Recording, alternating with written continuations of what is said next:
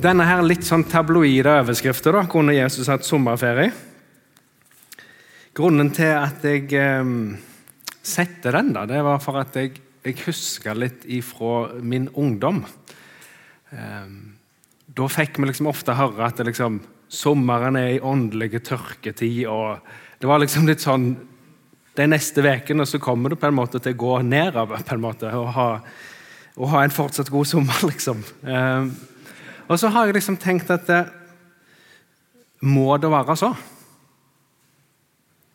Kan ikke sommeren bli en skikkelig åndelig opptur? Kan vi ikke få oppleve at sommeren forfrisker oss på en måte? Kan vi ikke oppleve at Gud møter oss på nye måter? Lærer oss noen ting, viser oss noen ting han ikke kan vise oss resten av året? Og Så så vi den ordskya. da. Det syntes jeg var fantastisk. Jeg var han da som skrev 'ikke-bading'. Um, men det er jo enormt mange ting jeg gleder seg til. Og dette er jo på en måte gode ting. og jeg tror på en måte alle Når vi leser liksom de ordene på skjermen, så får vi liksom gode eh, følelser, gode vibber i oss. på en måte. Dette gleder vi oss til. Og dette er gode ting. Utfordringen vår ofte er jo at vi på en måte tenker at de tingene der vi skrev på skjermen, der, det er bare ting som er menneskelig. Det er ting som ikke Gud mener så mye om. Altså, han mener ikke så mye om is, han mener ikke så mye om bading. For han mener egentlig bare noe om når vi er på bedehuset, og når vi leser Bibelen, og når vi ber. Kunne Jesus bade når han hadde sommerferie? Kunne Jesus spise is? Og dette, Noen syns gjerne det er litt sånn løye når jeg sier det. Nesten litt sånn banalt, litt barnslig å tenke så. Eller så er det bare fryktelig sant å tenke så om Jesus og om livet vårt med han. Så må vi bare si det, da. Kunne Jesus hatt sommerferie? Der står jo ikke 'kommer Jesus til å ta sommerferie', for det gjør han ikke. Altså, Jesus er Gud. Han er begynnelsen av enden. Han er skaperen og opprettholderen av alt liv. Hvis Gud går på ferie, så kollapser jo hele universet. Da, hvis han på en måte trekker seg ut eller tar pause bare i et millisekund, da går jo på en måte, da bryter alt sammen. Så han jobber jo, selv om det er natt. Han jobber når vi sover. Han kobler seg ikke av. Men poenget her er jo noe litt annet, og det er jo at vi skal prøve oss å forstå livet vårt i lys av Han. Og tenke på hvordan hadde det sett ut hvis Jesus var på sommermøte her på VEA på bedehuset i dag. Han hadde reist her til av alle plasser. Da hadde vi anbefalt han å vurdert et annen plass, hvis han, skulle, i hvert fall hvis han var på utkikk etter fint vær. Og jeg tror de fleste av oss som er her, vi kunne sikkert heller tenkt oss å være i Israel. på en måte, eh, Iallfall når skodda kommer. liksom, og der, eh, eh, Men hvis han hadde vært her, da, og vi skulle spurt han hva er liksom ferieplanene dine Hva hadde han sagt da? Hadde det vært liksom sånn, ja, jeg skal dele ut traktater 20 timer i døgnet, som jeg pleier? Eller, jeg, eller hadde han sagt at jeg skal ta noen rolige dager? Å være en disippel, å være en lærling av Jesus, det er å lære av Jesus hvordan han ville levd hvis han var meg. Og det er spennende. Det er spennende å prøve å finne ut av det, hvordan det ville sett ut. Og Det er jo liksom en ganske sånn praktiske og hverdagslig tilnærming til trua vår. I forsamlingen vår så har vi hverdag som et av fokusområdene våre. Og Det er jo rett og slett for at vi tror det er helt vesentlig å koble på en måte det vi tror på, det vi synger om, eh, det vi bygger livet vårt på, koble det med hverdagen vår, livet vårt som det er. Så når vi nå på en måte er på vei inn i, inn i en sommer, sommer, og inn i en sommerferie, så gjelder det jo på en måte å se okay, hvordan ser det ut, sommerferie og det å følge Jesus. Hvordan ser det ut hvis vi setter det i sammen? Og Jeg er i hvert fall overbevist om det, at Gud han både kan og vil det. Lære oss mye, både i ferien og om ferie. Nærmere bestemt om sabbat, om hvile, om det gode liv. Og På den måten da, så håper jo jeg at vi kan ta ferie med god samvittighet. Ikke litt sånn at når vi liksom eh, Jeg må komme meg på sommermøtene, på en måte, sant? sånn at jeg kan døyve litt på den dårlige samvittigheten for at jeg nyter denne sommerferien. Men at vi kan tenke og forstå og ta liksom Gud inn i alt dette som eh, en sommerferie innebærer. det. Så det er tre områder da, som jeg tenkte vi skulle se på, der jeg tror akkurat ferie da, på en spesiell måte kan lære oss noe om Gud. Og så er det jo med forbehold om at eh, det er ikke alle som skal ha ferie eh, på, på samme måten. Ferien er ulik, sommeren er ulik for folk. For vi har ulike liv. Men jeg tror vi kan lære noe av det. Det første punktet det tror jeg handler om at vi kan bruke ferien til å lære noe om å forstå mer om rytmer og sesonger. Det er kanskje litt sånn løye sagt, eh, men jeg håper du forstår det litt mer når jeg prøver å forklare det. For når det, er, når det blir ferie, så vil de aller fleste oppleve at ting blir ganske annerledes enn året ellers. Da blir vi liksom tvungen inn i en helt ny rytme i hverdagen vår. Forhåpentligvis så blir pulsen en litt annen. Og hverdagen på en måte byttes ut med noe annet. Og Gud han har skapt alt med en rytme. da. Og Naturen er en av dere vi kan lære mest om dette. Om rytmer. Her ble det nevnt bjørn her, som går i hi. Det er jo løye å tenke på, at, at det noe på en måte bare eh, skrur av for en tid. Og at Gud ville det sånn. Og naturen, der ser vi disse her hele veien. Der ser vi jo sesongene, årstidene. Der er en tid der ting dør, på en måte, der det forsvinner. Og så gjenoppstår det seinere. Så litt smått. Det tar tid. Det tar lang tid. Det er ikke sånn. Eh, og la oss lese noen kjente vers fra Forkynnerens bok, kapittel 3.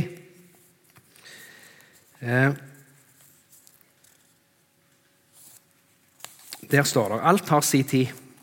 Det er en tid for alt som skjer under himmelen.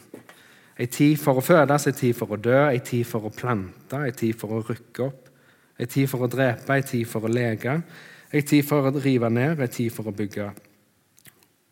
En tid for å gråte, en tid for å le. En tid for å sørge, en tid for å danse. En tid for å kaste stein, en tid for å samle steiner. En tid for å ta i favn, Ei tid for å la favntak vare. Ei tid for å leite, ei tid for å misse. Ei tid for å bevare, ei tid for å kaste. Ei tid for å rive i stykker, ei tid for å sy sammen. Ei tid for å tie, ei tid for å tale. Ei tid for å elske, ei tid for å hate, ei tid for krig og ei tid for fred. Og Det som står her, det er jo liksom en beskrivelse av hvordan livet er. At livet ikke er statisk. At det der er på en måte noen faser i livet vårt som er på en måte mer det ene enn det andre. Det er ikke alt på én gang.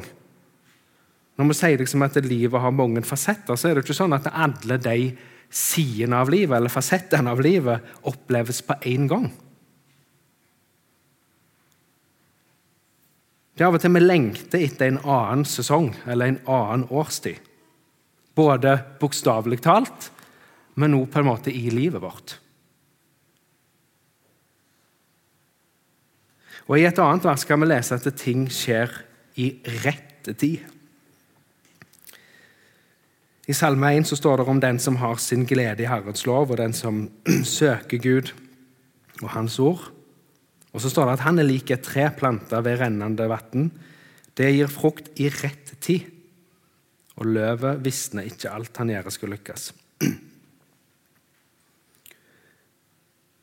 Det er mange av oss som lengter etter å erfare mer av Gud, hvem han er. Vi har lyst til å vokse i tro på han. Vi har lyst til å ligne mer på han. Og så kan vi bli utålmodige. Vi vil at ting skal skje med en gang.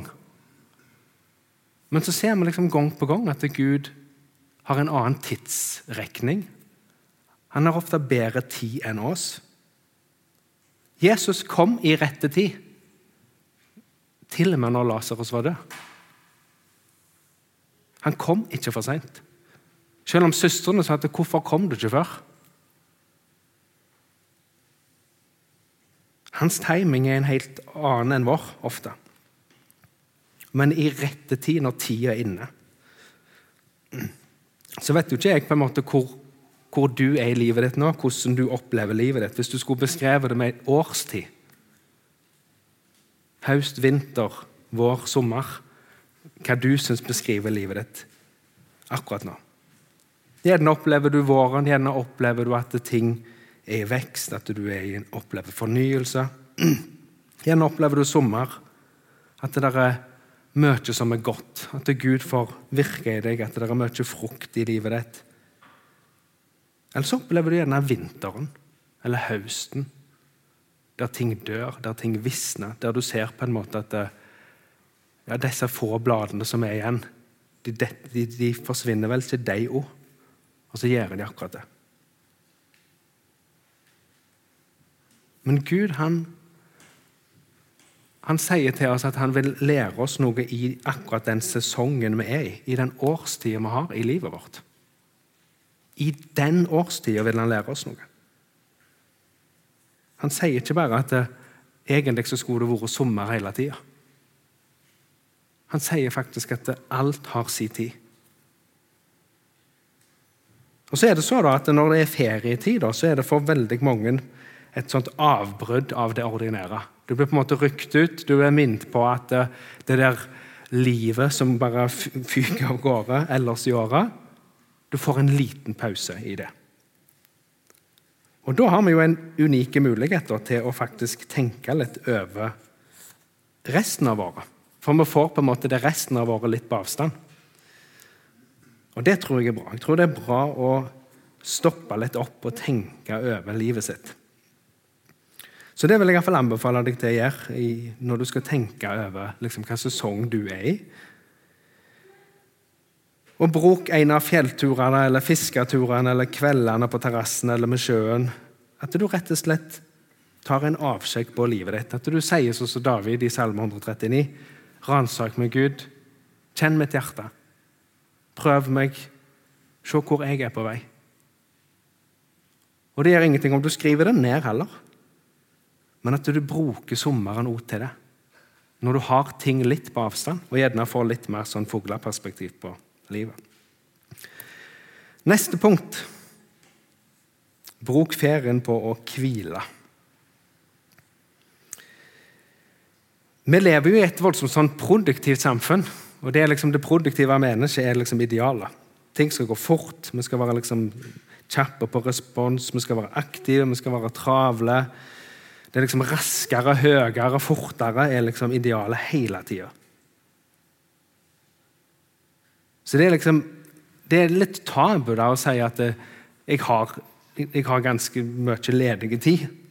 Eller hvis du liksom treffer noen på, på priks, det er jo sånn at Vi må slutte å spørre folk om hvordan har du det. Vi spør jo liksom ja, du har det vel travelt. Altså Det er liksom åpningsreplikken. Men det sikkert for vi ser det gjerne opp på kroppen deres da, når de liksom farter av gårde. Og det kan se på meg ofte. Og så må det jo være en person som liksom går så rundt på veia og ser ut som de ikke har noen ting å gjøre. Og så spør jeg ja, hva gjør du på det? Nei, jeg gjør ingenting. Ja, hva skal du, da? Nei, jeg skal ingenting. Ja, men du vet at vi har i fall minst 40 oppgaver på bedehuset som du kan gjøre? Er du sikker på at du ikke kan ta iallfall fem av dem? Nei, det vil jeg ikke. Ja, men du, hva skal du for noe? Det er det mest provoserende å møte noen som har god tid. Jeg kan på en måte kjenne i kroppen min at, jeg, at det begynner liksom å sitre hvis jeg ser noen går seint. For da tenker jeg du, du må gå fortere. Kom igjen. Jeg husker en gang da knipsa jeg bein. Eh, for jeg syntes han, var, han bevegde seg så treigt. Og det var, det, jo, det var, ikke bra. for å si det sånn. Jeg måtte jo be om unnskyldning etterpå. for det er ganske ufordragelig å gjøre. Men det er liksom Kom igjen! Og sånn er jeg. Det er mitt problem. Så dere forstår jo at denne talen er sikkert mest av alt av meg sjøl. For Gud er ikke sånn. Gud er ikke sånn som knipser på folk. Gud er ikke sånn som sier til 'fortere, kom igjen, få fingeren ut'. Og jeg, når vi skal ut med familien vår, selv om vi skal, liksom på, skal på ferie, og det går ferja hvert 20. minutt, så er det sånn at det, det, er, det, er, som om det står på livet om å komme oss ut døra de neste to minuttene. Så er jeg. Altså jeg er sånn, da er det, da er det liksom så dramatisk i, i, på, i, vårt hjem, for å si det sånn. når jeg... Og hva er det?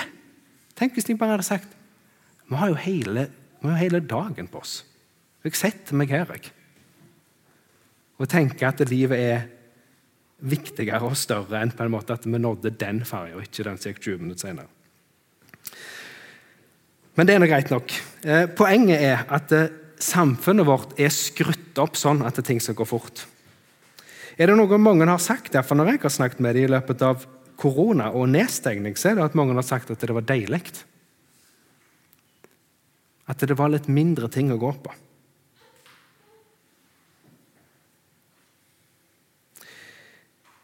Jeg leste en artig sak her en dag, og det var at det var en gjeng som var samla, og de skulle beskrive Jesus med ett ord. De hadde sikkert sånn ordskyting. Og Da var det mange fine ord på Jesus, og mange sanne ord på Jesus. Og så var det én av de som kom med et litt annerledes ord. Og Han beskrev Jesus som avslappa.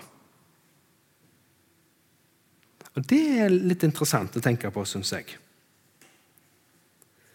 Jeg vet ikke om du har tenkt på Jesus som det. Var Jesus uthvilt? Hadde han dårlig tid? Skulle jo tro det. At han burde kjenne på det, iallfall. Når du på en måte har tre år i aktiv tjeneste. Du kunne vel begynt litt før. Du kunne vel begynt når du var 29 eller 28 eller kanskje 20. Kunne han ut seg en sommerferie midt i dette? Jeg tror faktisk det. Jeg tror at eh, han kunne gjort det. Jeg tror han gjorde det. Og han har skapt oss til å hvile, og han hvilte sjøl òg. La oss spole tilbake helt til begynnelsen, om når Gud skapte himmel og jord. Og Det står om den 20 dagen at Gud velsigna han og hellige han, for den dagen hvilte han ifra hele sitt arbeid. Og Når Gud hvilte, så var det ikke fordi at han var sliten. Sånn er jo ikke Gud. Han er jo ikke sånn som oss at hvis han på en måte har gjort noe, så trenger han å hente seg inn igjen. Så når han hvilte, så var det jo en annen måte han hvilte på. Men Gud skapte ei sju dagers uke. Seks dager til arbeidet, én dag til hvile. Han demonstrerte det sjøl. Det er faktisk I historien vår så er det flere land og samfunn som har prøvd å endre på det. For de syns på en måte sju dagers uke Vi kan vel få mer ut av det. Stalin gjorde det. I Sovjetunionen lagde en helt ny kalender hvordan folk skulle jobbe, rett og slett for at de skulle produsere mer. I Frankrike for 200 år siden innførte de tidagersveka. Under revolusjon og I Egypt så har de prøvd det. Mange i historien har prøvd å endre litt på det der. For hvorfor skal det absolutt være sju dagers veke? Går det ikke an å gjøre det på en annen måte? Og Det har jo da folk prøvd på. Og så har det gått galt gang på gang på gang. På en måte Samfunnet kollapser. Det fungerer, klarer ikke å fungere. Kroppene til folk klarer ikke å fungere sånn. Det ser ut som på en måte det er en perfekt balanse. Sju dagers syklusen. Og det er jo ikke så løye når Gud har skapt det. Når det er Gud som står bak. I tredje Mosebok der kan vi lese om sabbatsåret. Og Der sier Gud at åkeren skulle legge, legges brakk hvert 20. år. Ikke produsere noen ting. Tenk for en bonde, eller tenk for en som driver en forretning. At til hvert 20. år så skulle du stenge ned. Men Gud sa at så skal det være. Til og med naturen må få hente seg inn. Og Det er det som er interessant med sabbaten, bare, ikke bare som på en måte en hviledag. Eh, de som har vært i Israel, har jo liksom sett hvor altså Ting stopper jo rett og slett opp. Altså Hvis det er liksom en buss å kjøre eh, eh Skulle være så uheldig å kjøre akkurat idet sola går ned på fredagen, så vil de stoppe. Og heisene stopper. Altså alt stopper opp. Og Det som iallfall jeg syns er interessant med dette, det er jo eh, For ordet betyr regelrett stopp, altså sabbat eller shabbat. Og det trenger jo mange av oss å lære oss. Å stoppe med det vi gjør. Stoppe ifra den hverdagen vi har til vanlig. Og Vi kan fort tenke at det er liksom passivitet. Senere sier Gud, 'Husk sabbatsdagen og hold den hellige'. Det er jo løye. At eh, Hvis noen hadde liksom sagt at du skal få fri hver 20. dag Skulle jo på en måte i utgangspunktet tenkt åh, dette er jo fantastisk, for en gave. Tenk at jeg skal få det. Men likevel så på en måte må Gud og sabbat er mer enn bare å få fri. altså. Men, men, poenget er jo at det er jo en gave til oss. Og det at Gud må minne dem på Husk sabbatsdagene. Det må jo bety at en sto i fare for å glemme det ut. Og tenk at det er ett av ti, ti bud. Det er et påbud om å hvile. Det må jo si noe om at dette ligger igjen ikke så naturlig for oss. Det er ikke selvsagt at vi gjør det. Og videre om sabbaten så står det seks dager skal du arbeide, men på den sjuende dagen skal du hvile. Selv om det er tid for pløying eller høsting, skal du hvile. Selv om det er tid for. Og Nå kan du tenke på hvordan det ser ut på terrassen din, eller veggen i nord, ut forbi se deg, eller ned med sjøen, eller alle disse her tingene du burde gjort og Hvis du kommer hjem til meg i løpet av sommeren, så kan du få se mange ting som burde blitt gjort. Og tenk på alle de tingene der som du burde gjort. Hva er det Gud sier her? Selv om det er tid for pløying eller høsting, skal du hvile.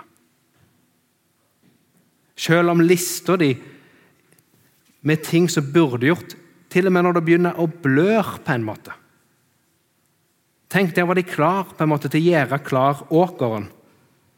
Nå var det liksom det naturlige neste steget, og det er det vi skal gjøre. Så sier Gud, selv om det er tid for det, så skal du hvile. Så Gud han sier at de rett og slett skal slippe det de har i hendene sine. De skal legge ifra seg redskapene sine, og de skal aktivt gå vekk ifra det og gå og hvile. Jeg leste en bok for noen år siden um, som heter 'Crazy Busy'. Altså galen, galen travelhet. Eller travel galskap jeg vet ikke hva det bør oversett. Uh, og Der ble det presentert liksom, hvor mange behov Jesus sto overfor. Og For meg var det en sånn eh, aha-opplevelse. For jeg har liksom tenkt at det, for vi klager oss liksom, å, det er så mye vi skulle ha gjort, det er så mange folk, og vi, vi skulle, burde jo ha gjort så mye mer, osv. Og, og så ser vi liksom hvordan Jesus For Jesus var jo et menneske.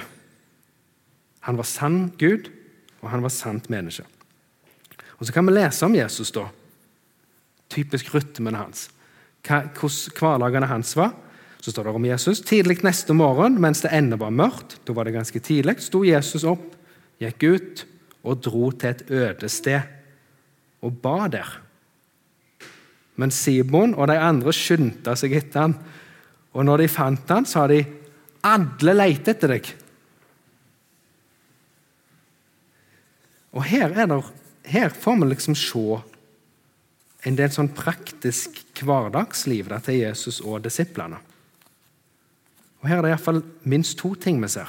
Det ene er jo at Jesus trakk seg vekk.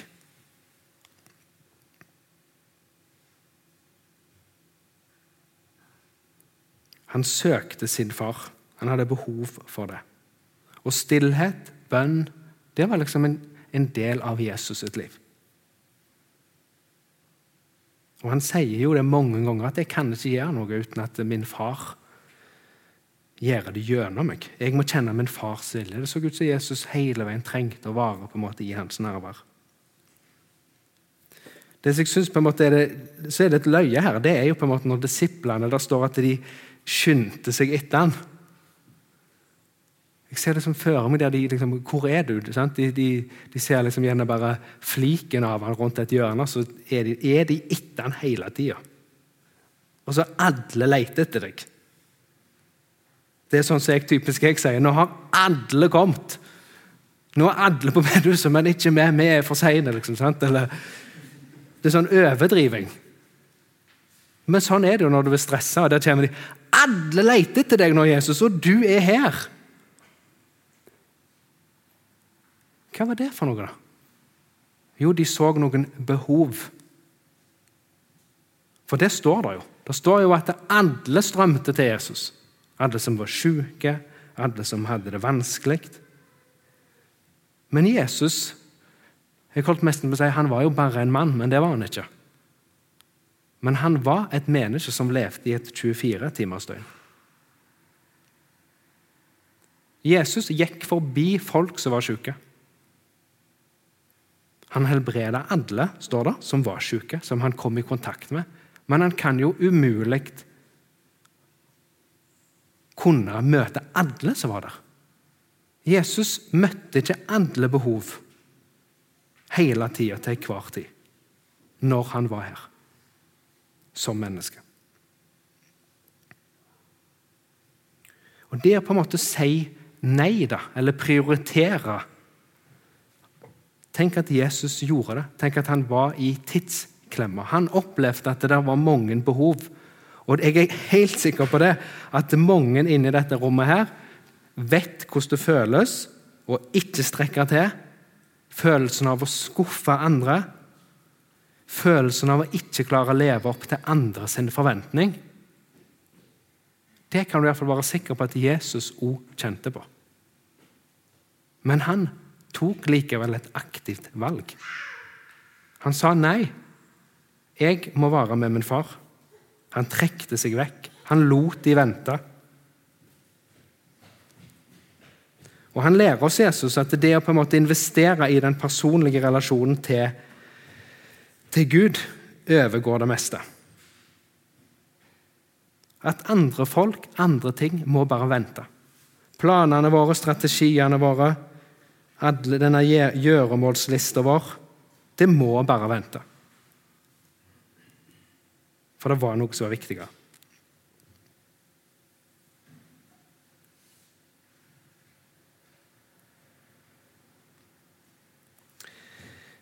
Et annet moment i forhold til det å hvile, det er jo å lære seg at Gud ikke er avhengig av vår aktivitet.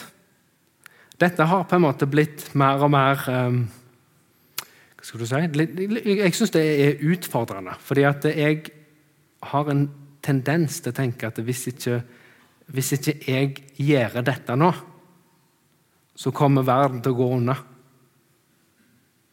Og Sånn er det ganske mange som tenker, uten, de, uten at de gjerne vil innrømme det. Altså Hvis ikke jeg tar ansvar nå, hvem skal da ta ansvar? Ja, Da er det sikkert ingen som gjør det. Og da kommer jo verden til å gå unna. Vi tenker at ting er at, at ting er så avhengig av oss. Og så vi, vil vi være aktive. Og så sier Gud at eh, Herren skal strie for dere, og dere skal være stille. Ordet 'være stille' da, det betyr regelrett å ikke bevege seg det å ikke gjøre noe som helst. Være tause. Så det er på en måte lære seg at eh, når jeg ikke gjør noen ting, så går verden videre. Livet går videre uten at jeg gjør noe. Gud arbeider, Gud virker, selv om jeg sitter her og ikke gjør noen verdens ting. Enten jeg burde gjort noe for, alle de behovene jeg ser. Og Dette, skal, dette er jo ikke ment som en sånn Derfor skal vi ikke gjøre noen ting. Aldri. Men det er ei tid for alt. Hvor mange ganger har ikke jeg liksom hatt en idé om hvordan jeg tenker at Gud burde håndtert en situasjon? Og Jeg har på en måte sprunget før han. Jeg har tenkt at det må jo være sånn. Gud vil sikkert dette. Og så har jeg blitt ivrig. Og Det er på en måte å holde fingrene fra fatet, eller ikke blande seg inn. Bare la noe utvikle seg. La en person kjempe med Gud. La seg påvirke, utfordre av Gud, uten at vi skal liksom blande oss inn. Men å tenke at Gud, dette fikser du sjøl. Det krever tro, og det krever tillit. Og Jeg vet iallfall at jeg trenger å strekke meg på en måte på det. At Gud, du har kontroll. Du vet hva du holder på med. Så det å hvile ifra alt, legge det vekk, legge det ned Helt konkret. Og Her er det så mange ting. og Jeg syns det som går på sabbat og dette med hvile og det er utrolig mye spennende som ligger i det, rett og slett. Punkt nummer tre, siste punktet. Vi kan bruke ferien på å glede oss over alt som er godt. Dessverre så er det jo mange som har et gudsbilde som er sånn at Gud er litt sånn smålig, og at Gud smiler ikke. At Gud er på en måte Han er liksom festbrems. Jeg tror mange har et bilde av Jesus at hvis du har en skikkelig bra dag Tenk deg den beste sommerdagen med alle de der ordene som dere heiv opp her på skjermen. Og så tenker du at Jesus hadde kommet. Hvordan hadde stemningen blitt da?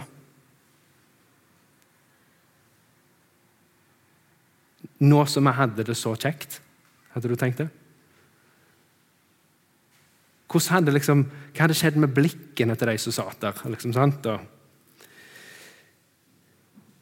hadde vi liksom, uff, ja, nå, må vi liksom være, nå må vi være alvorlige igjen, for nå kom Jesus. Og Det er et feilaktig bilde da, av Jesus.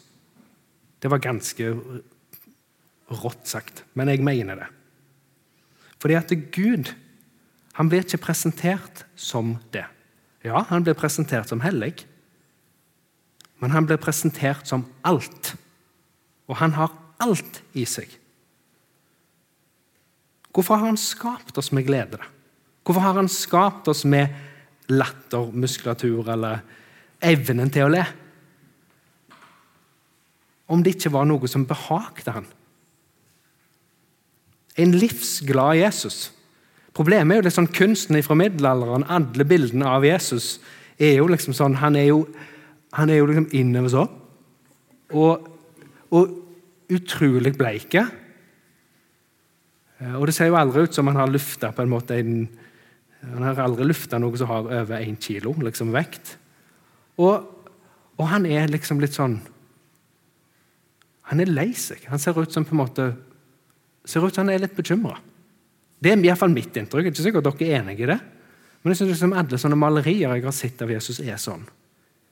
Og Jeg er helt sikker på at Jesus så sånn ut av og til. Men jeg tror ikke alltid han så sånn ut. I så fall må det ha vært ganske liksom, stusslige middager, på en måte. Eller når de bada i Genesaretsjøen. Hvis han alltid så ut sånn når han symte liksom, på fortsatt en sånn fjes. Det kan jo være at han lo høyt. Hvorfor skulle han ikke gjøre det? Hva er det som er merkelig med det? Hvorfor, det, hvorfor har vi liksom litt sånn Det er litt vanskelig for oss å forholde oss til at Jesus var sånn. At han var et ekte menneske.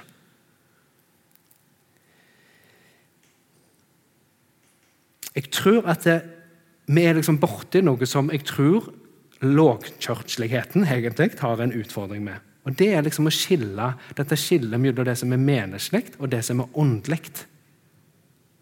Og vi, vi har lagd et sånt sylskapt skille mellom det. Det som er åndelig, det betyr noe for Gud. Det var da på en måte Jesus kobla seg på. Men alt det menneskelige det betyr ingenting. Det har nesten ingen verdi. Derfor er det på en måte at alle de menneskelige ordene Og så var det jo noen som liksom Bibelkamp det er litt sånn Hvor er det? på en måte? Er det, er det åndelig, eller er det menneskelig? Bibelkamp er gjerne noe som Gud kunne likt, på en måte, fordi der er det møter. Så de timene i løpet av programmet der det var møter, der du var liksom i det teltet, det var bra. Men ellers, måte, når du grilla og bada, det var ikke så viktig. Nå, nå setter du Ålesund på spissen, men det er jo en av mine spisskvaliteter. vil jeg påstå. Eh, men hva er, hva er hva? Hva betyr noen ting? Hva har en verdi? Når er jeg en disippel? Når er Guds nærvær rundt meg? Når kan jeg tenke at nå er du her, Gud, med meg? Og Det er jo det som er poenget. Det er at Gud stikker ikke av. Og Bare hør noen ord om dette. Fra Forkynnerens bok igjen, der står det mye visdom. Ingenting er bedre for et menneske